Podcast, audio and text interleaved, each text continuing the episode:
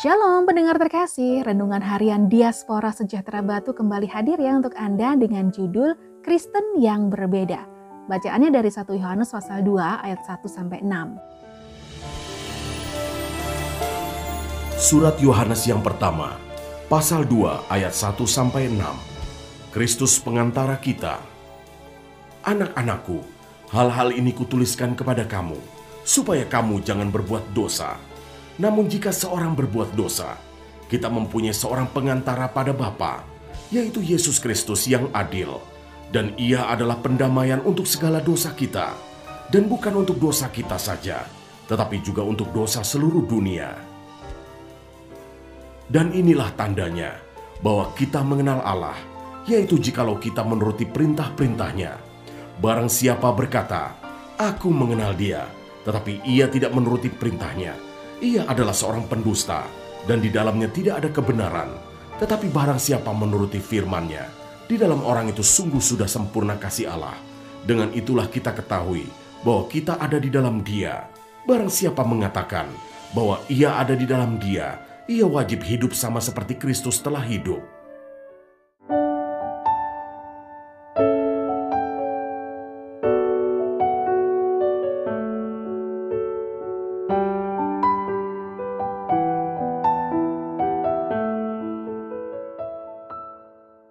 Dan inilah tandanya bahwa kita mengenal Allah yaitu jikalau kita menuruti perintah-perintahnya.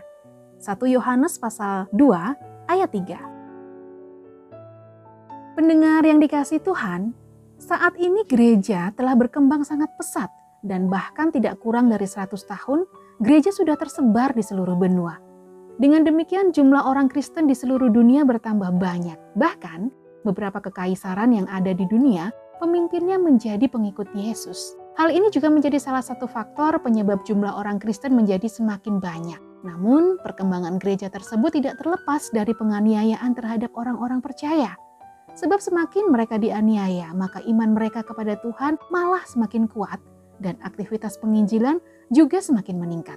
Hasilnya, semakin banyak jiwa yang mengenal dan menerima Kristus. Tetapi ketika penganiayaan tersebut mulai kendor, justru membuat orang-orang percaya menjadi cenderung santai, imannya tidak mengalami pertumbuhan, dan pada akhirnya meskipun banyak orang yang beragama Kristen, tetapi kehidupan mereka tidak mencerminkan ajaran Tuhan.